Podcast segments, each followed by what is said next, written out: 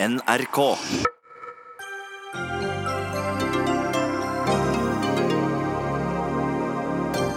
Med kniven på strupen fant Troms og Finnmark såkalt frivillig sammen etter mekling. Norge får en ny diger fylkeskommune med det fantasifulle navnet Troms og Finnmark. Nå har vi kontroll, sa stortingspresidenten om det famøse byggeprosjektet før jul. Men det var ikke sant, og derfor går stortingsdirektøren av. Idrettstoppene må legge fram reiseregninger når de blir beskyldt for grådighet. Hvorfor må ikke legemiddelselskapene legge fram sine regnestykker?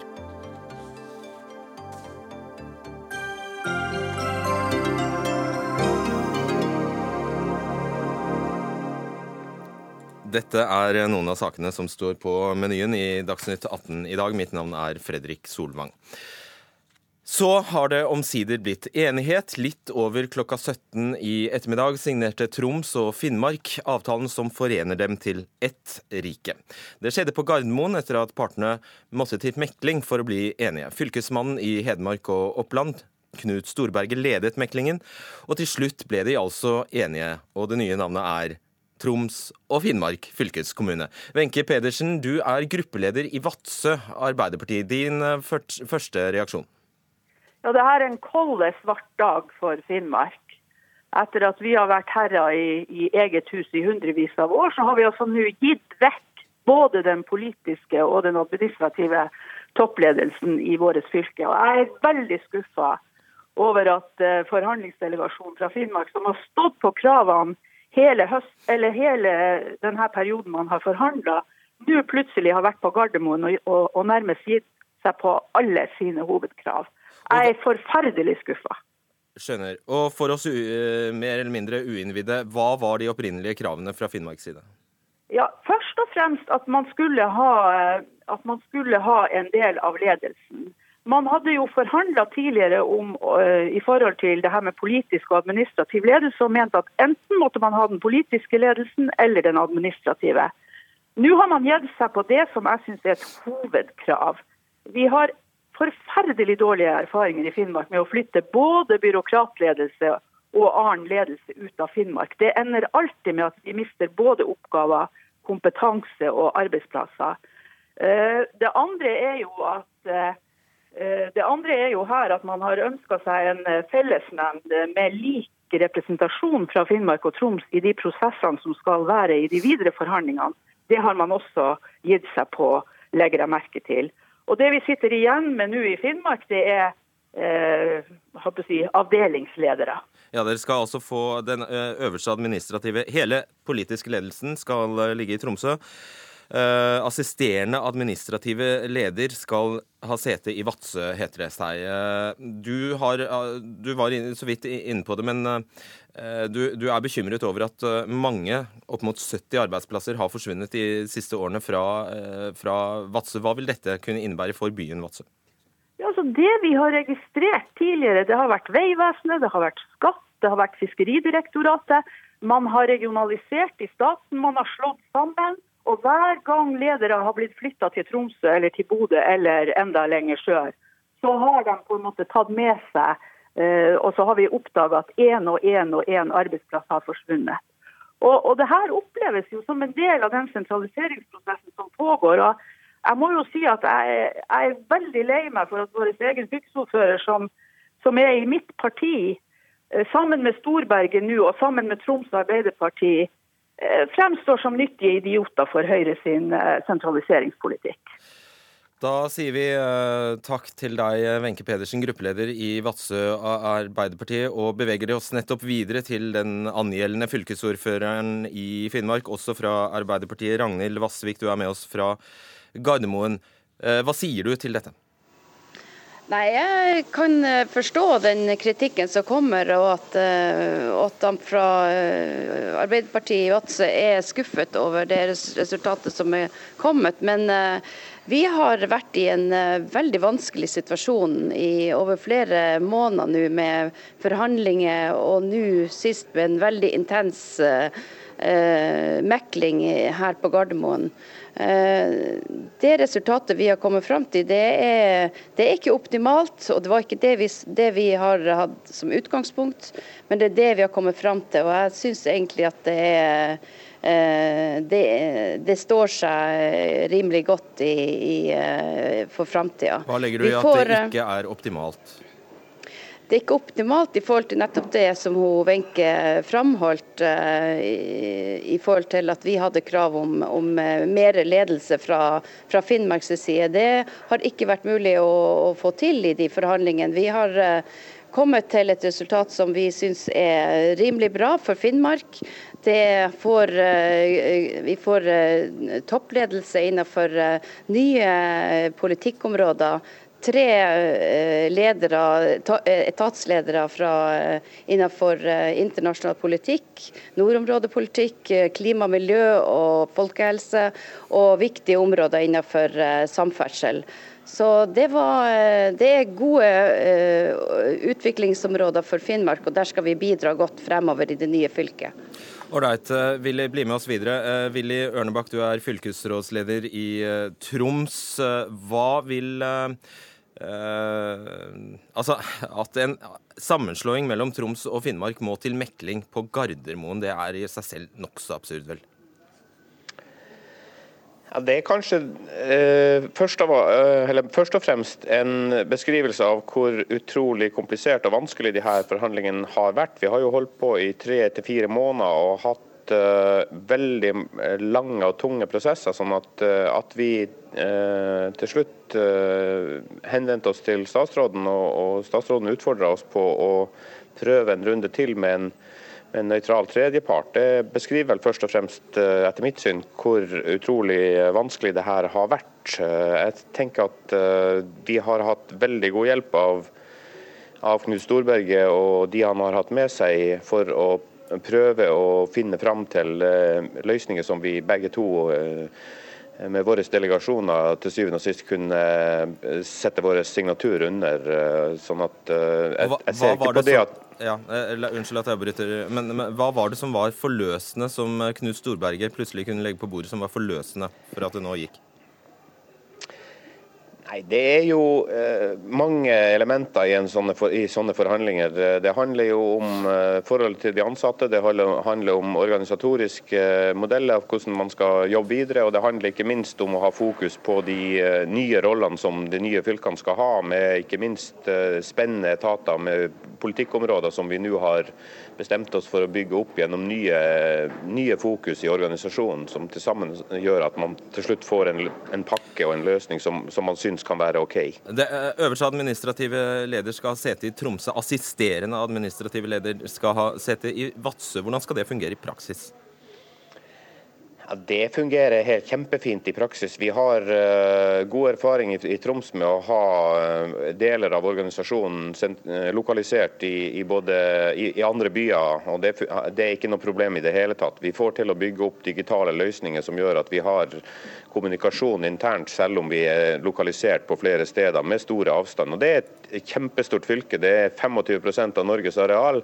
1000 km med bil fra Harstad i vest til Kirkenes i øst. og Da må man også tenke annerledes enn å klumpe det sammen i, i, på én liten plass. Ragnhild Vassvik, hva er hensikten med dette? Hensikten med eh, sammenslåing, eller med den ja. måten vi har organisert det på? Eh, hensikten med sammenslåing? Ja, jeg tror de aller fleste kjenner hensikten med, med sammenslåing. Er, fra Finnmark så har vi jo ikke hatt en Eh, en, en, eh, veldig jublende inngang i denne sammenslåinga, i og med at vi har vært imot det eh, i utgangspunktet. Men etter at Stortinget fatta sitt vedtak i juni, så har, ikke, så har, Finnmark gått inn i det her på en konstruktiv måte og, ja, men, og forsøkt å bidra. Jeg spør ja. deg hva hensikten med sammenslåing av Troms og Finnmark er. Hensikten er jo at vi skal få et, eh, et stort og en stor og slagkraftig region. Og få, eh, få, tilgang på nye oppgaver som kan gjøre at vi er konkurransedyktige med andre regioner i Norge i forhold til eh, oppgaver, i forhold til å, nye politikkområder og i forhold til å drive denne landsdelen videre til nye høyder. Og det er du nå sikker på at dere får? Ja, det tror jeg. Vi har eh, bestemt oss for at vi skal ha eh, Vi skal ikke bare jobbe med de tradisjonelle fylkeskommuneoppgavene, men vi skal også inn i nye, viktige oppgaver for, eh, for det her flotte området vi bor i. Ok, uh, Willy Ørnebakk, du, altså det stemmer det at du valgte å bryte forhandlingene på et tidligere tidspunkt? Vi har hatt uh, til sammen ti døgn i forhandlinger gjennom eh, november, desember, januar. og i, i løpet av de forhandlingene så har vi hatt brudd både fra Finnmarksdelegasjonens side og fra Troms-delegasjonens side. Vi valgte i forrige uke fra Troms eh, sin side å følge vår, eh, vårt fylkesting, som eh, ga oss klare føringer på at vi måtte henvende oss til statsråden for å få etablert denne fellesnemnda som nå skal styre prosessen videre hvis vi ikke hadde framdrift. Det har vi for så vidt allerede gjort, men, men statsråden utfordrer altså på å prøve en runde til for å se om ikke vi klarte å styre den prosessen sjøl, i stedet for at Hvis ikke, hva ville skje da? Ja, Hvis vi ikke hadde kommet til enighet, så hadde jo da statsråden til syvende og sist eh, vært den som har måttet gripe inn og så fastsette sammensetning av denne fellesnemnda som skal styre sammenslåingsprosessen videre. Det hadde vært og blitt styrt fra Oslo eh, nok en gang, og det er jo noe som ikke vi er så særlig glad i i nord. Så jeg er jo veldig glad for at vi til syvende og sist nå klarte å, å komme til en enighet. Og så skal vi starte prosessen med å fokusere på framtida og fokusere på videreutvikling ut av de fantastiske områdene våre ja. Eh, i den nordlige regionen. I stedet for at eh, det skulle skje, at dere ble styrt fra Oslo, Ragnhild Vassvik, så blir dere nå altså dratt etter håret inn i noe dere egentlig ikke vil uh, være med i. Svar meg på én ting. Hvor mange skal rasjonaliseres vekk? Hvor mange stillinger skal rasjonaliseres vekk, som jeg regner med må være noe av hensikten når man faktisk slår sammen to administrative enheter til en? Vi har uh, gått ut og gitt en garanti til alle våre ansatte i både Troms og Finnmark. Eh, en femårsgaranti at ingen skal si opp eller måtte flytte pga. denne sammenslåinga. Så det er ingen penger å spare det, på det? På sikt kan det nok være Vi skal nok rasjonalisere en del. og Det er jo ikke sånn at vi skal dublere Eh, oppgavene her. Vi skal jo utfylle hverandre. Så eh, på sikt så, så vil det nok bli en rasjonalisering, men eh, det har vi ikke. Vi har ikke den fokuset akkurat nå. Hva betyr på sikt? 10 år, 20 Nei, år, 30 altså, år? Ja, det er noe sånt. noe sånt, ok. Vi får bare gratulere dere da med mm, et, det nye fylket, som altså får det klingende navnet Troms og Finnmark. Stemmer det, Ørnebakk? Det stemmer bra. Det var oppfinnsomt. Litt, ja, det er kjempeoppfinnsomt. Eh, eh, hvis du tar den innfallsvinkelen. Hvis du eh, tenker på vår identitet som jeg er både stolt og sterk i nord, så passer det veldig bra å, å bruke navnet Troms og Finnmark på veien videre. Det er noe som vi får gode tilbakemeldinger fra alle innbyggerne med at de identifiserer seg veldig i, forhold til den navnetilhørigheter som vi har brukt gjennom generasjoner. Yes, Takk skal dere ha, Ragnhild Vassvik og Willy Ørnebakk. Og den nye visjonen til, nye fylke, til den nye fylkeskommunen er et sterkere nord. Dagsnytt 18 alle hverdager klokka 18.00 på NRK P2 og NRK2.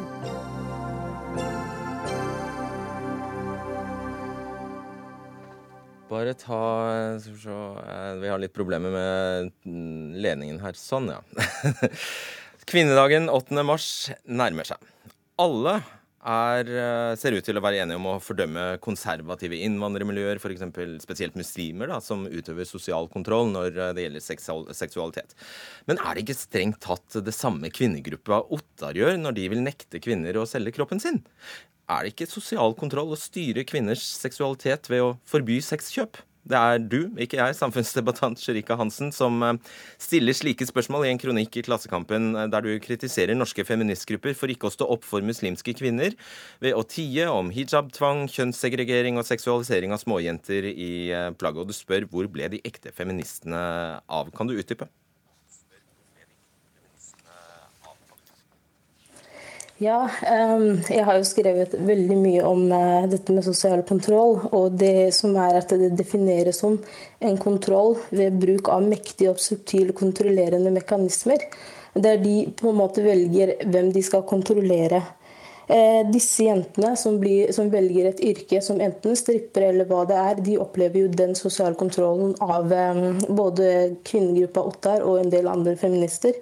Og Det er de samme mekanismene som blir brukt mot innvandrerjenter som velger å bryte ut av miljøet eller velger å kle seg vestlig på en helt annen måte. Fra innvandrermiljøene møter jo disse jentene ikke bare kontroll fra miljøet de er vokst opp i, men fra også feminister, vestlige feminister når vestlige feminister i dag kjemper for at eh, de skal stå foran en strippeklubb, men de nekter å stå foran en moské, så har jeg et veldig stort problem med å godta at de kan kalle seg selv for feminister. For det de to gruppene har til felles, er jo at de vil kontrollere hva kvinnene skal gjøre, hvordan kvinnene skal kle seg, og hvilken frihet kvinnen skal ha. Det problemet jeg hadde med kvinnegruppa Ottar, var jo også sist når jeg var der på 8. mars-komiteen, der de påstår at de ikke kan blande seg inn i denne kvinnekampen som har med hijab å gjøre, fordi de ikke kjente seg inn i hvordan det er å være en undertrykt kvinne med hijab. Og da sier jeg det ganske enkelt. Jeg er heller ikke en katt, men jeg kjemper jo for dyras rettigheter. Og det er det de også kan gjøre. De kan legge fra seg denne unnskyldningen med at eh, de ikke vet hvordan det er å være en innvandrerkvinne som er undertrykt av hijaben.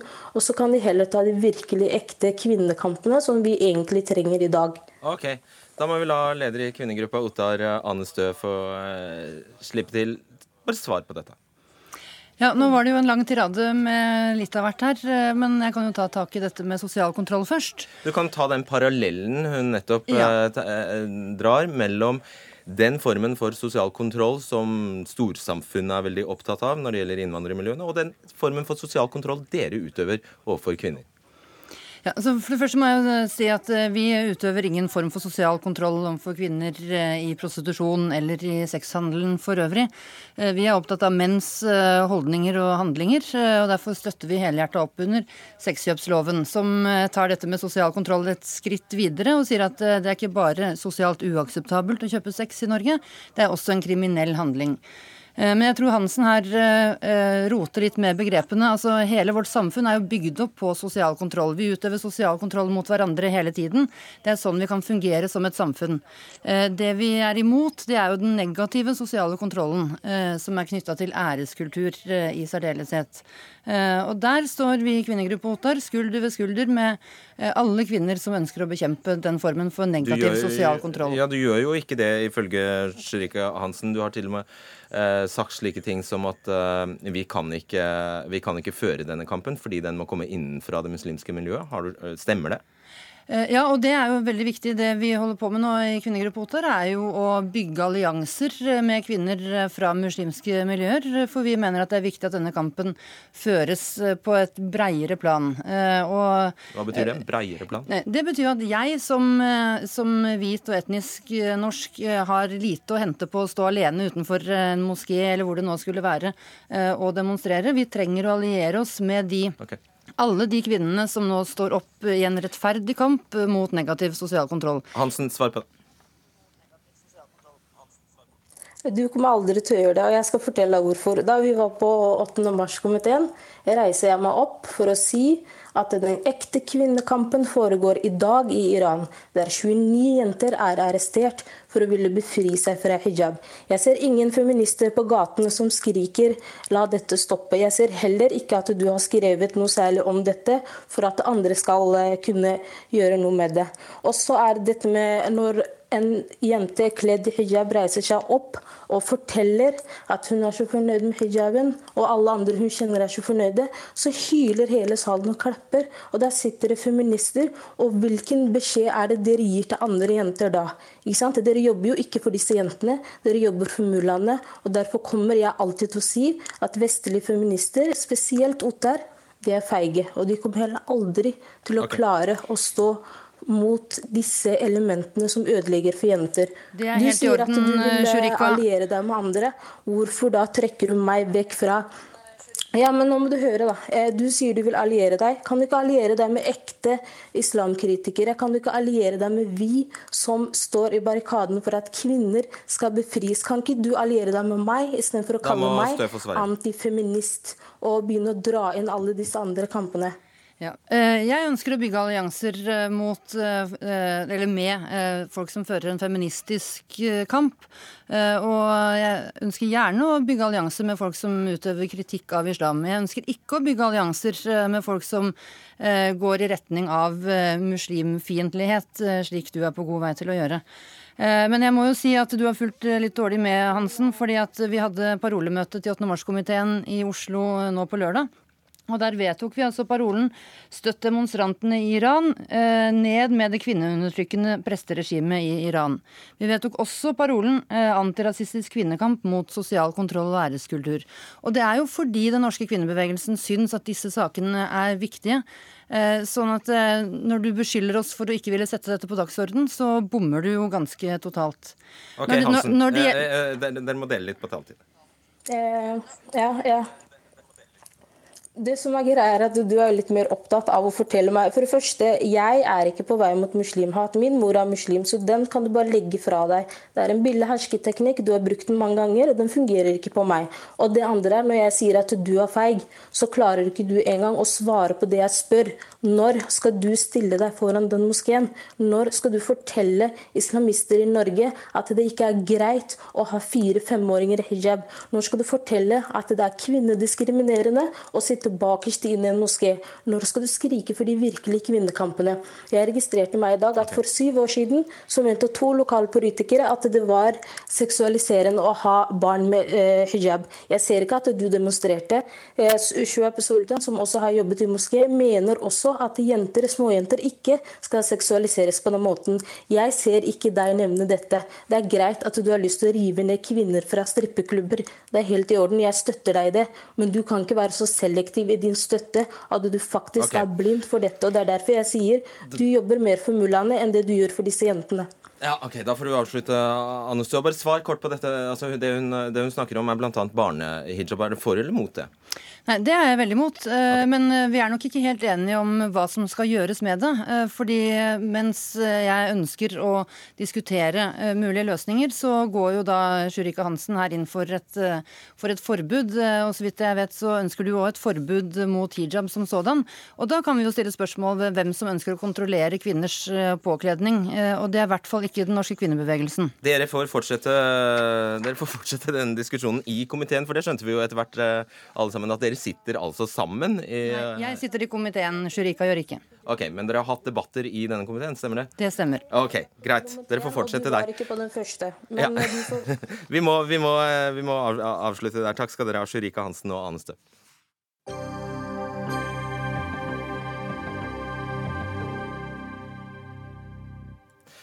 For eh, rett før vi gikk på lufta her, ble det klart at stortingsdirektør Ida Børresen går av. Hun eh, trekker seg pga. en citat, 'betydelig økning i kostnader til prosjektering', som har ført til endrings- og tilleggsarbeider utover det som var kjent fra før. Slutt.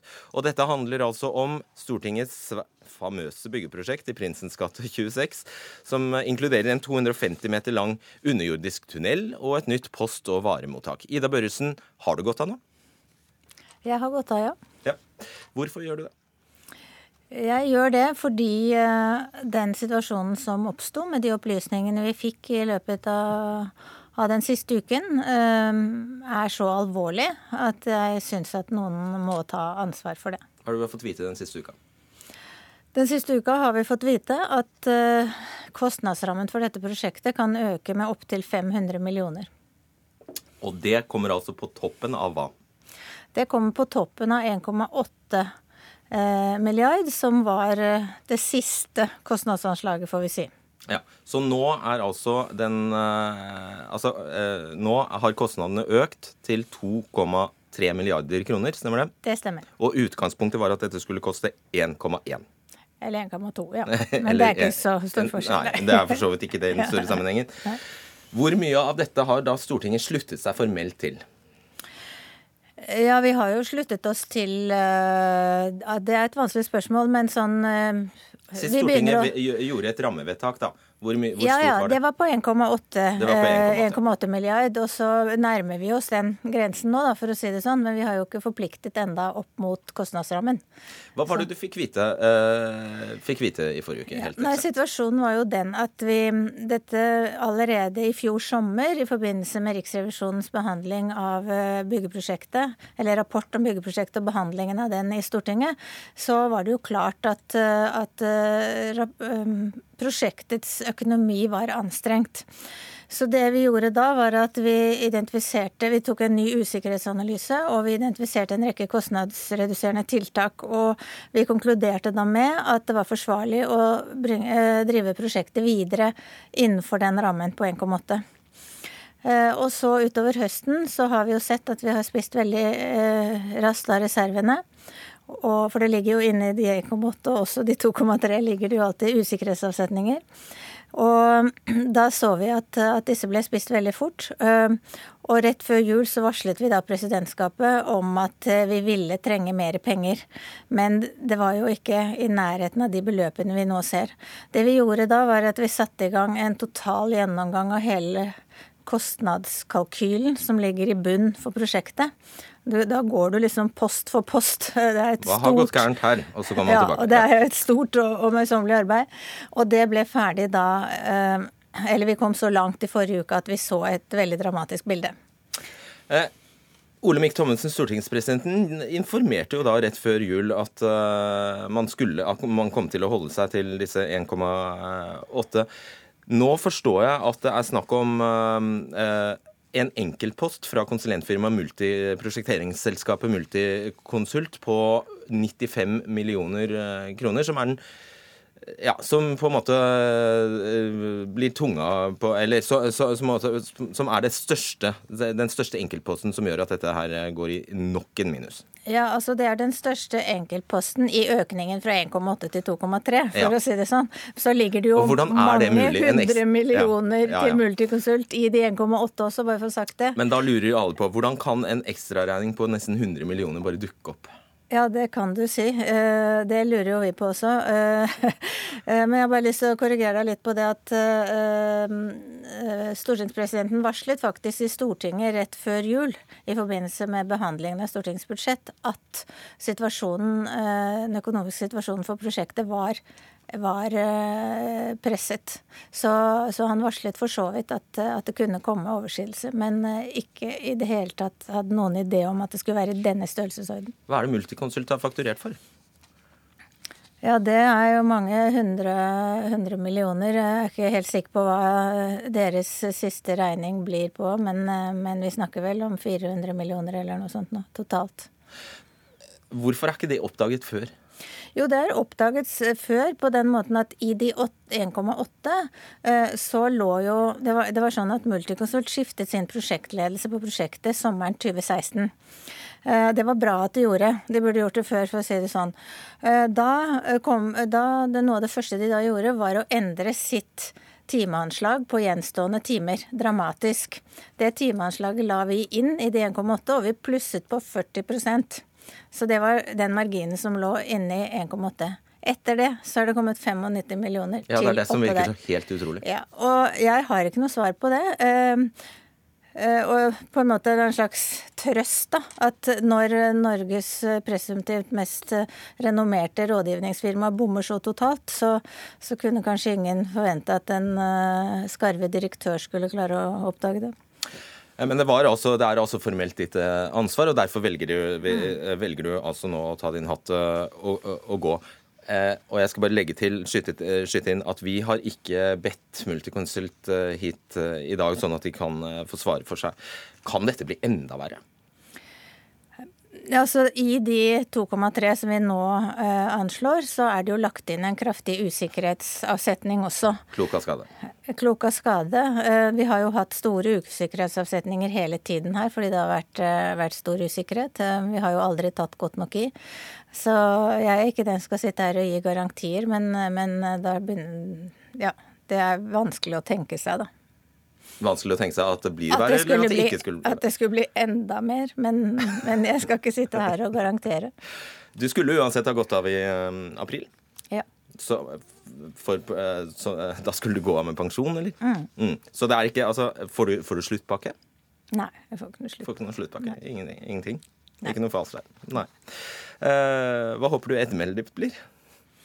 Ja, og det, det, må jeg jo si at nå skal jeg avslutte min karriere etter 40, nærmere 40 år i byråkratiet. Hatt en eh, veldig morsom karriere og gjort veldig mye forskjellig. Eh, og jeg syns jo det er eh, vemodig og trist å måtte slutte på denne måten, så jeg gjør jo ikke det med lett hjerte, det vil jeg absolutt si.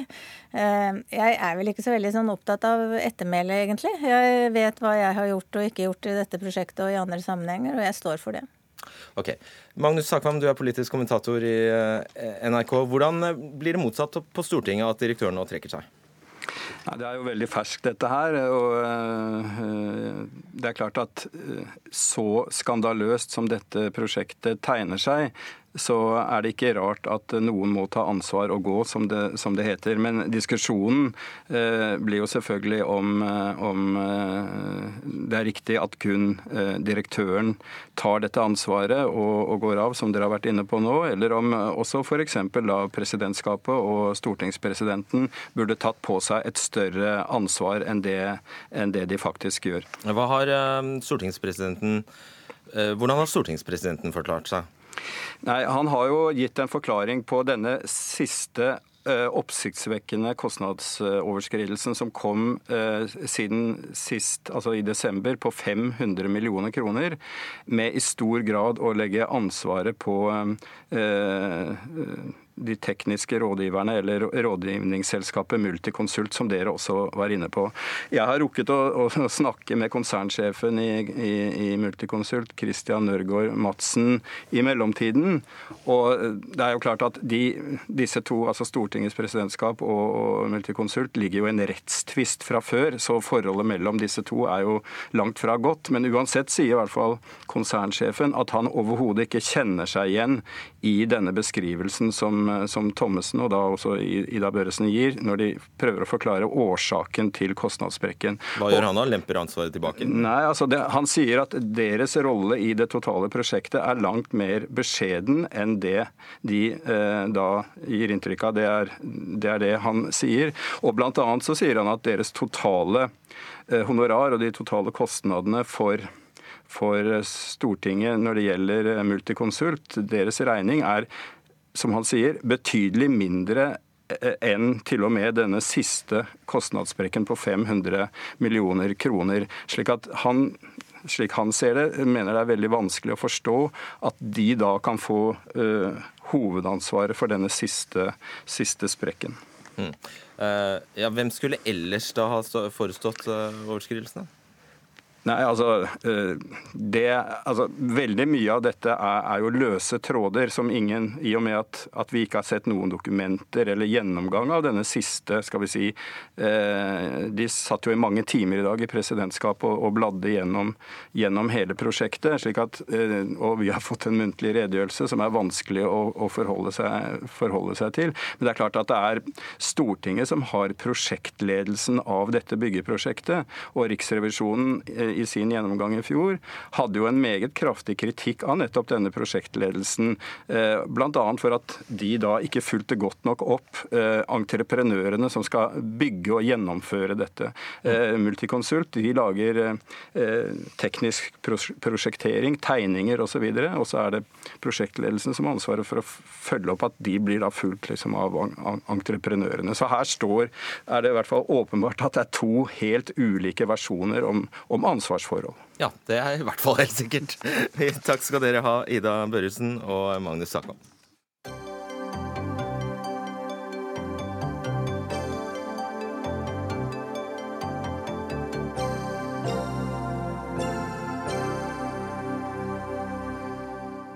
Spørsmålet om staten har lov til å nekte pasienter med spinal muskelatrofi over 18 år den rådyre medisinen Spinraza, kan bli avgjort i rettssalen. For advokat Geir Lippestad har varslet at han vurderer søksmål. Men er det virkelig staten som skal anmeldes her? Er det ikke heller legemiddelselskapet Biogen som burde vært dratt for retten? Tord Dale, daglig leder i stiftelsen Maritimt Forum og tidligere politisk rådgiver for Arbeiderpartiet i Helse- og omsorgsdepartementet. Det er vel for så vidt den siste kapasiteten du er her ja. mest? Ja. Og som tidligere sykepleier og ansatt i legemiddelindustrien, ja, Du er i hvert fall her, det er bra. Du mener Lippestad rett tilbake for smed fordi, eh, altså når han vurderer å anmelde staten. Hvorfor det? Jeg syns det er dumt å dra en sånn debatt inn for, uh, for en rettssal. Vi har et godt system for vurdering av legemidler i Norge. Det blir gjort av fagfolk.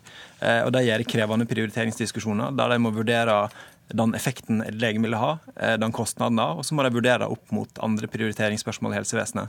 Så Det er litt sånn det rent eh, prinsipielle.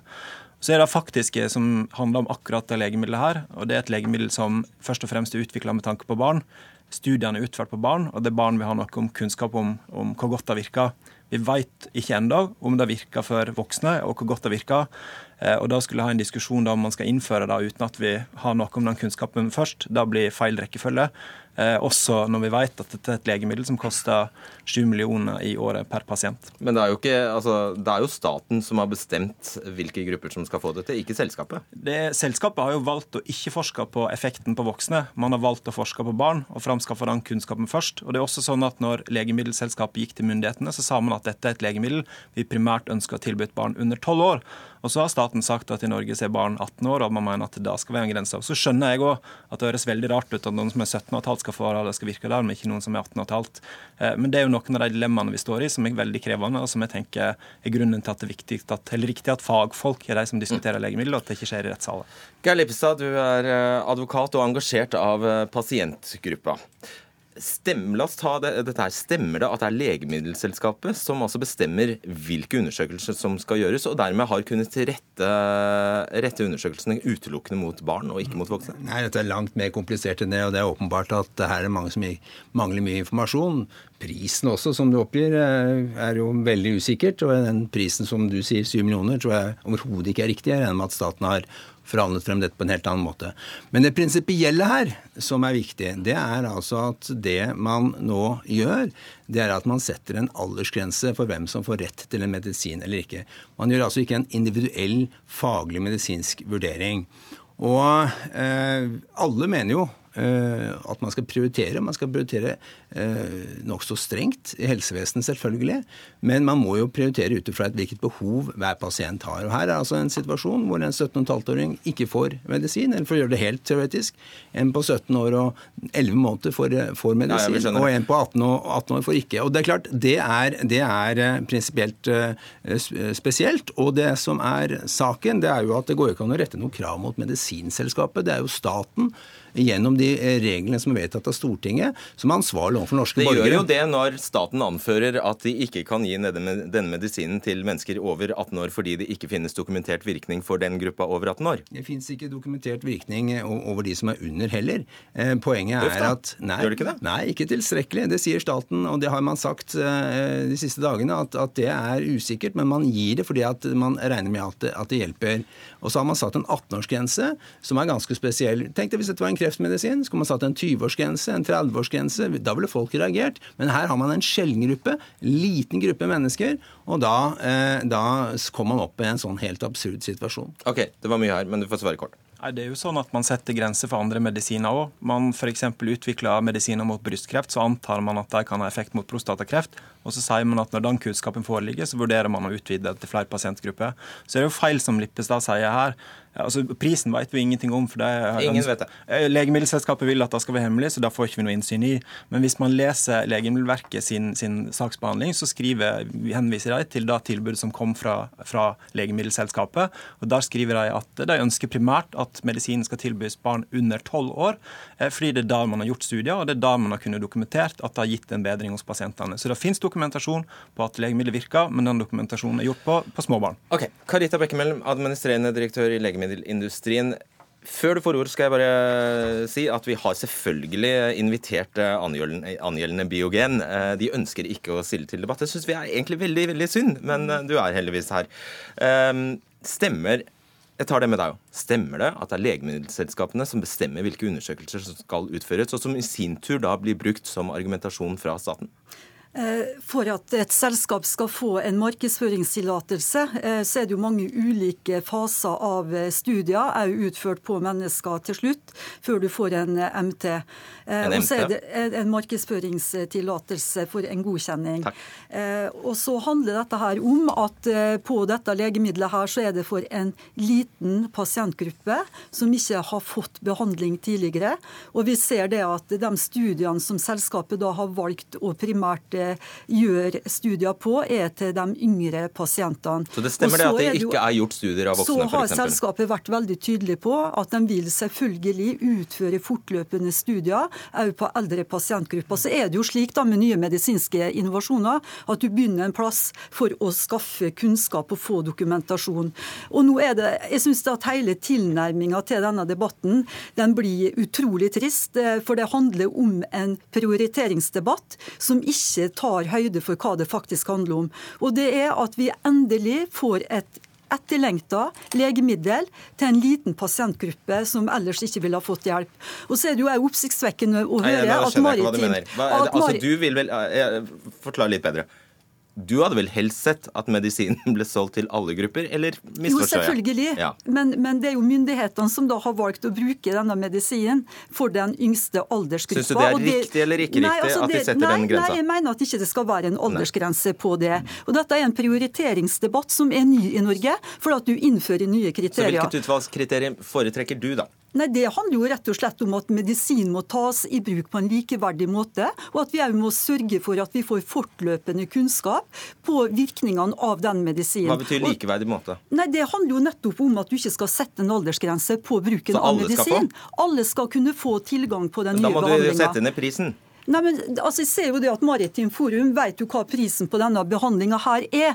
Og etter det legemiddelindustrien vet, så er det faktisk kun eh, selskapet og myndighetene som vet det. Det handler om konkurransebetingelser, og det handler òg om at myndighetene har en egen rett og slett fortjeneste okay. i at en har den type men, men forhandlinger der prisen går ned. Og så er det slik en annen viktig ting. Ja, nei, ta, ta, det i neste trepussen, ta, ta det i neste omgang. fordi Lippestad, dere var rørende enige om at jeg, jeg, jeg tolker i hvert fall slik at dere, er, dere, to er ganske enige om at flere bør få medisin. Men når det gjelder dette med pris, så tror jeg ikke dere er fullt så enige. Det som er uh, situasjonen, det er at uh, når det gjelder behandling i Norge, så skal det og bør det være en individuell vurdering.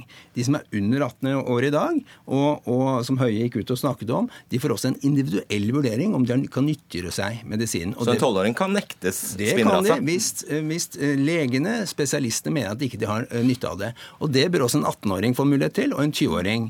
Slik at man gjør en faglig vurdering om man har nytte av det. Og så gjør man en evaluering etter et år f.eks. om hvordan dette virker. Jo, men du har sagt, du er, du er, du er sitert på at dette handler åpenbart om pris. Selvfølgelig gjør det det. Mm. Eh, og, og, eh, det er jo det hele prioriteringssystemet handler om. Å forsikre seg om at eh, man bruker minst mulig penger på, på, på disse men, medisinene. Men det, det, er helt riktig. For det dette her handler om, det er at du begynner en ny form for prioriteringsdebatt i Norge, der du setter pasientgrupper opp mot hverandre. Og det er brudd mot ganske fundamentale prinsipp, prinsipp i det norske velferdssamfunnet. Hvilke pasientgrupper setter man opp mot hverandre? Du gjør jo det nå aldersbetinga, så setter du dem opp mot hverandre. Du ser at på kreftområdet så blir nettopp den eh, pasientgruppa utsatt for en helt annen form for økonomisk prioritering. Vi setter pris på et liv der vi tenker på et tall, uten at det er et større fundament bak det. Og så en siste liten ting. Hvem er det som sier at disse medisinene er kostbare? Jo, det er myndighetene sjøl, det er Beslutningsforum, som da har ett oppdrag, nemlig å effektivisere fordi at en vil ha en begrensning av pasientutgiftene. Det er det riktige her, og det er et politisk ansvar som må tas. Vi har et godt system for vurdering av legemiddel i Norge, der fagfolk sikrer at vi får lik tilgang til legemiddel, eh, og der man vurderer helt riktig ulike pasientgrupper opp mot hverandre, sånn at man ikke risikerer at grupper som f.eks. har en lavere status, kommer dårlig ut. Men la oss ta, la oss ta noen tall som vi faktisk... Har du lest prioriteringsmeldinga? La, la, la, oss ta noen tall som vi faktisk kan. Vi vet at Biogen tjente 2,1 milliarder norske kroner på dette legemiddelsalget legemidler, kun dette produktet, de tre første månedene i år. Dette er et internasjonalt selskap. Internasjonalt selskap. 2,1 norske milliarder i hele verden. Og Da har man mulighet for de pengene til å utføre studier på voksne hvis man mener det er viktig. Det er et tall vi kan. Og vi vet at legemiddelselskapet kjøpte lisensen til, til legemidler for 225 amerikanske dollar pluss noe eh, lisenspenger som, som, kommer i tillegg på det. Så man, men, altså, man har kjøpt et legemiddel som dels er utvikla offentlig, dels med støtte fra pasientforeninger. Det er faktisk sånn når det gjelder legemiddelutvikling at du har ikke alle svarene i det øyeblikket dette nye legemiddelet kommer på markedet. og Det er derfor det er viktig at vi bruker penger må... til å ha og utføre ja, ja, kliniske studier på alle pasientgrupper. Og jeg synes at de tilnærming til dette her er nesten reaksjonært. At du ikke har mer ambisjoner på vegne av norske pasienter når vi endelig får jo, medisinske innovasjoner som kan være med å redde liv.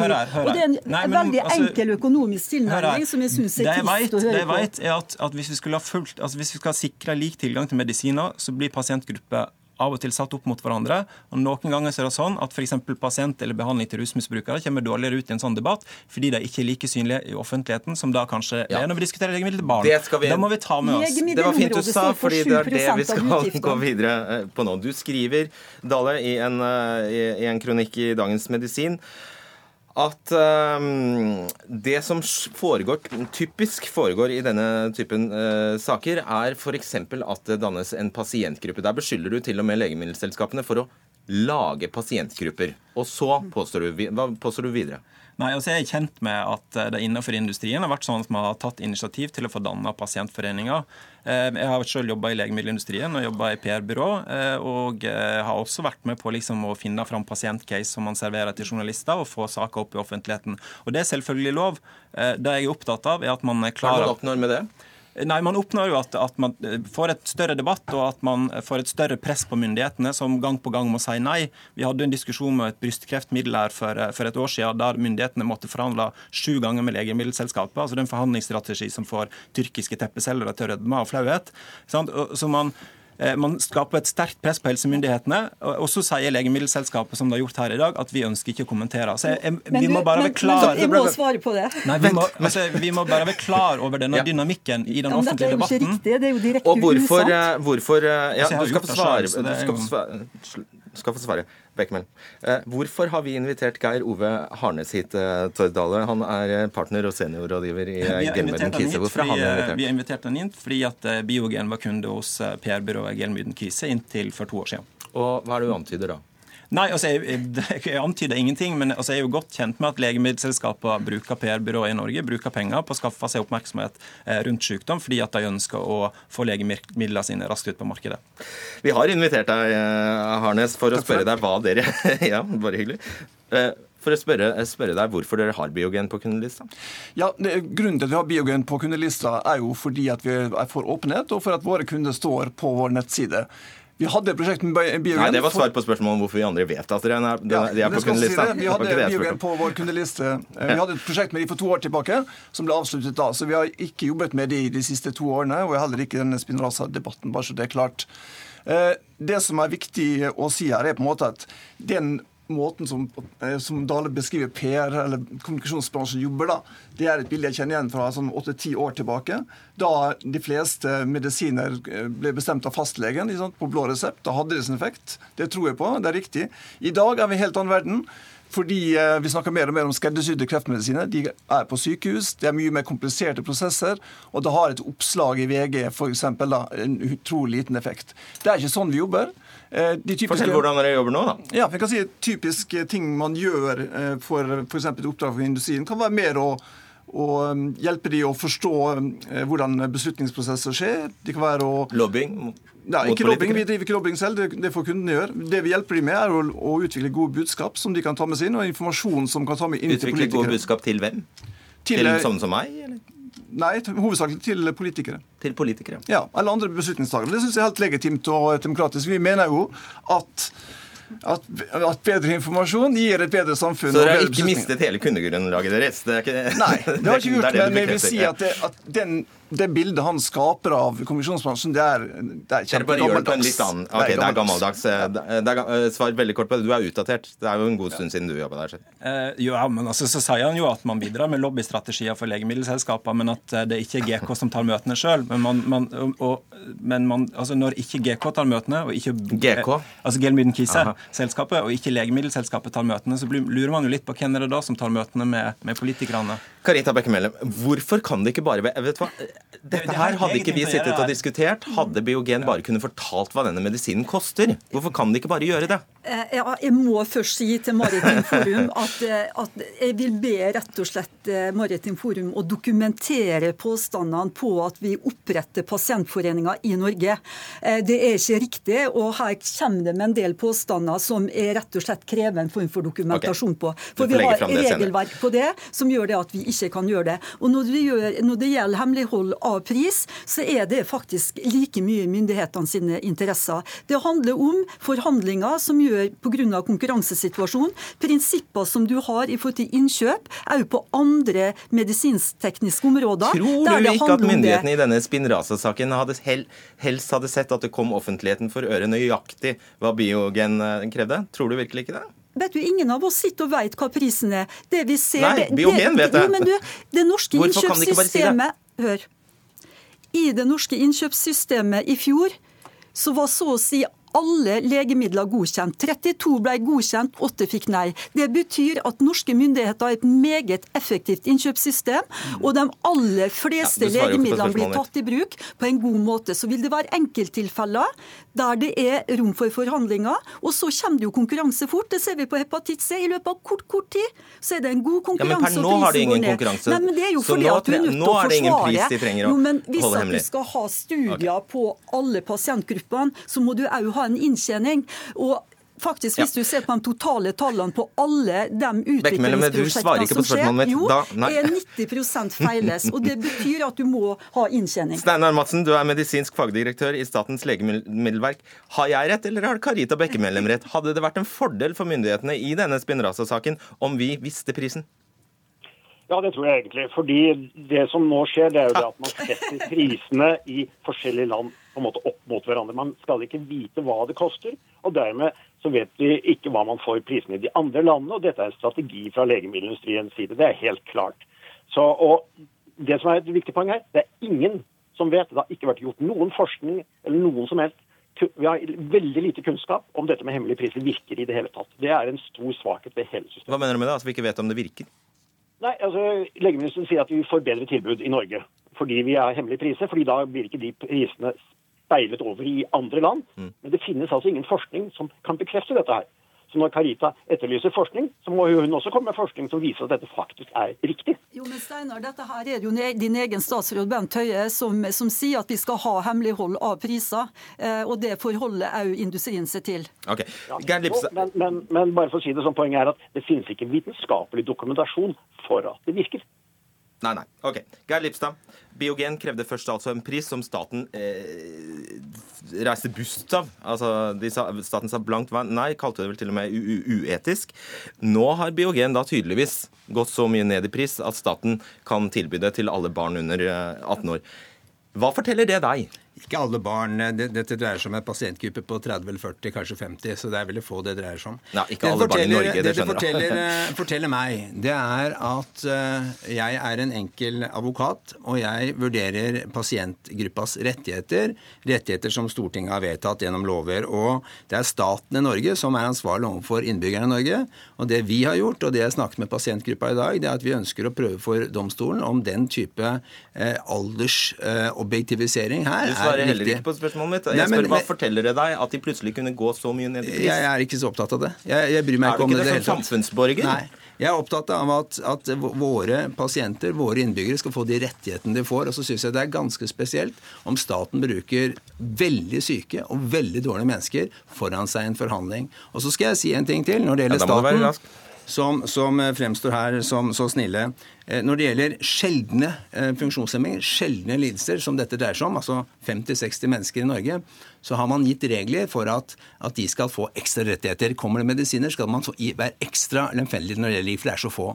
Og så gjør man, når det kommer nye medisiner, bare en endring i regelverket, slik at denne gruppen gjøres enda mindre. Så her dreier det seg kun om penger, og mitt anliggende det er å prøve for en domstol om, om, den, om dette som her er, er, vedtatt, altså en aldersdiskriminering, om det er lovlig. Det er Nei, nå er det vi, vi må rekke rabatt, ja. så er fortsatt 500 000 dyr. Takk. Tord Dale, Karita Bekkemellem, Geir Lippestad, Steinar Madsen og Geir Ove Harnes. Hør Dagsnytt 18 når du vil. Radio NRK Radio.nrk.no.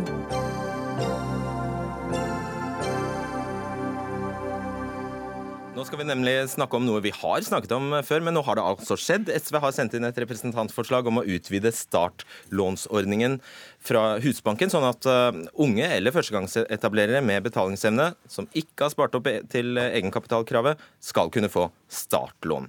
Uh, hva går det ut på, Nicholas Wilkinson, stortingsrepresentant for SV? Det går ut på at nå har vi fått et boligmarked der folk som jobber hardt, bidrar, har god lønn, de får allikevel ikke boliglån fordi de har ikke mange hundre tusen på konto som du trenger for å komme deg inn på markedet i storbyer i Norge. Mm, og Begrunnelsen det... for det er selvfølgelig å hindre et overopphetet eh, boligmarked. Så nå... Selvfølgelig. Og det vi vet nå, er at dette er folk som bidrar, som kan betale, men som ikke får rom fordi de ikke har arva masse penger bort på Oslo vest, for å si det litt sløvete. De kan jo ikke betale hvis de ikke har egenkapital. Eh, jo, dette er folk som har betalingsevne. Så nå snakker vi, Det forslaget vårt gjelder, det er folk som har god inntekt, som jobber hardt i samfunnet. Og Da vil vi hjelpe dem å gi et offentlig startlån som dekker det egenkapitalskravet. Det koster ikke staten noe, for at vi pengene får vi tilbake. Dette er trygge lånefolk fordi de har god lønn, god inntekt. Folk som jobber hardt. De skal ha rett til å eie sitt eget hjem. Det mener iallfall vi i SV. Mener sosialistene. Ja. ja. Takk. Jeg trodde alle mente det før, men tydeligvis så mener jo ikke Høyre det. Nei, vi får sjekke det. Ja. Mari Holm Lønseth, boligpolitisk statsperson for uh, Høyre det å eie er jo en ganske sentral eh, Det snakker dere i Høyre mye om, så dette er dere vel for?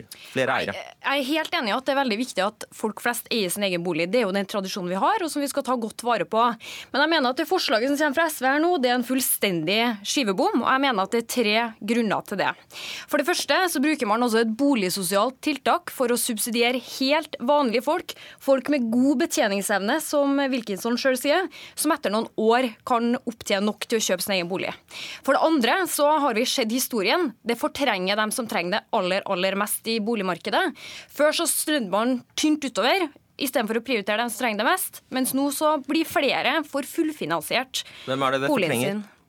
De aller mest vanskeligstilte i bolig det er mange av dem, f.eks. la oss si dem som er uføre, som nå får fullfinansiert boligen sin med Høyre sin politikk, fremfor dem som de kanskje ikke fikk krav på det fordi at pengene var brukt opp mot slutten av året. Okay, punkt tre. Det tredje, det tredje bare for å komme til det, det er det at Husbanken da vil være en konkurrent med helt vanlige banker, som tar risiko på vegne av staten og har helt andre egenkapitalkrav enn hva vi stiller ellers.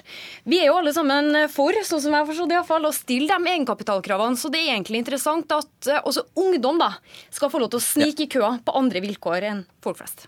Vær så god. Ja, jeg og SV gråter ingen bitre tårer at bankene i Norge får mer konkurranse, slik Høyre gjør. Men hva er det vi snakker om her? Jo, vi snakker om unge som har god inntekt. Og så sier Høyre jo, men dette kan fortrenge folk andre med dårlig råd. Og det er jo spørsmålet her, hvem er det vi fortrenger i boligmarkedet? For det fins boliger, og så mener vi i SV at flere skal eie. Og da må jo noen eie mindre for at det skal være plass. Og vi er veldig tydelige på det at vi mener at de som i dag eier mange boliger, fem, seks, syv boliger i Oslo, de må eie færre. Vi vil fortrenge de som eier sekundærboliger, mens Høyre tydeligvis mener at man skal sette svake grupper opp Lønse mot hverandre. snakker jo ikke om hvem du vil fortrenge, hun snakker om hvem som kan komme til å ja, bli fortrengt. Nettopp. Og de kan bli fortrengt hvis, hvis, du fører Høyres politikk. Men hvordan? Altså, de blir jo ikke fortrengt. Det er jo ikke sånn at en ufør i dag blir fortrengt ut av boligen sin av at vi gir startlånshjelp til unge med gode inntekter. Det er, det er helt merkelig. Jeg skjønte ikke logikken. Hvis vi ser på de tallene som var når SV satt i regjering, så var det altså færre mennesker enn i dag som fikk fullfinansiert boligen sin med startlån i Husbanken. Det er fakta. Og det er også derfor man så at på slutten av året så var pengene som Husbanken ja. brukte opp. Ja, men hvis du øker rammene, sånn som SV tar til orde for, så mm. kommer man også i en situasjon hvor Husbanken, en statlig bank, er i konkurranse med helt vanlige banker men, på helt andre vilkår. Altså, men jeg kan godt være enig i det. Nå er du nødt til å la meg ja, nei, Dere må dele på tida. Ja, vi er nødt til å dele tida. For at altså, jeg tror vi begge to er enige om at folk flest skal eie sin egen bolig. Det legger vi også til rette for. Men jeg tror ikke løsningen for at folk flest skal eie sin egen bolig, er å presse enda flere inn i boligsosiale tiltak, sånn som SV igjen og igjen tar til orde for. Jeg har stått i Stortinget og, og diskutert med ja, altså, Igjen så hører vi at det er så ille at det er konkurranse med banker. For oss i SV er det ikke viktig om bankene får litt mer konkurranse. Det tror jeg faktisk kan være bra. Det er viktig at folk får eie sitt eget hjem. Så sier vi nå at alle skal presses inn i boligsosiale tiltak. Nei, det er det ikke. Det vi snakker om, er at unge folk som jobber hardt, bidrar til samfunnet og har god inntekt, men er så uheldige at de ikke har arvet masse penger. Dette er, Vi snakker skal, middelklassen. Det er bare de, de som skal, skal få nyte godt av den ordningen. Nei, de som er i jobb. Jo, det det ikke de som har arva. Det vi snakker om nå, er at det er folk ja, i Norge, mange vanlige folk, eller arbeiderklassen, hva vi kaller det, men som har inntekt. De skal få en inngangsbillett inn på boligmarkedet. De skal vel ha nok Også, inntekt? Ja. Men sånn som vi snakker om, hvor mange er det som får støtte? Da vi styrte, så var det altså 12 500 som fikk støtte fra uh, boligbanken. Nå er det 7000. Okay. Og det er fordi man har kuttet ut rammene. Skjønner. Og det var det siste som ble sagt. Sorry, vi tar, vi tar det igjen. Takk skal dere, dere ha, Mari Holm Lønseth og Niklas Wilkinson. Ida Sune Rødsland, Lisbeth Sellreite og Fredrik Solvang ønsker god kveld.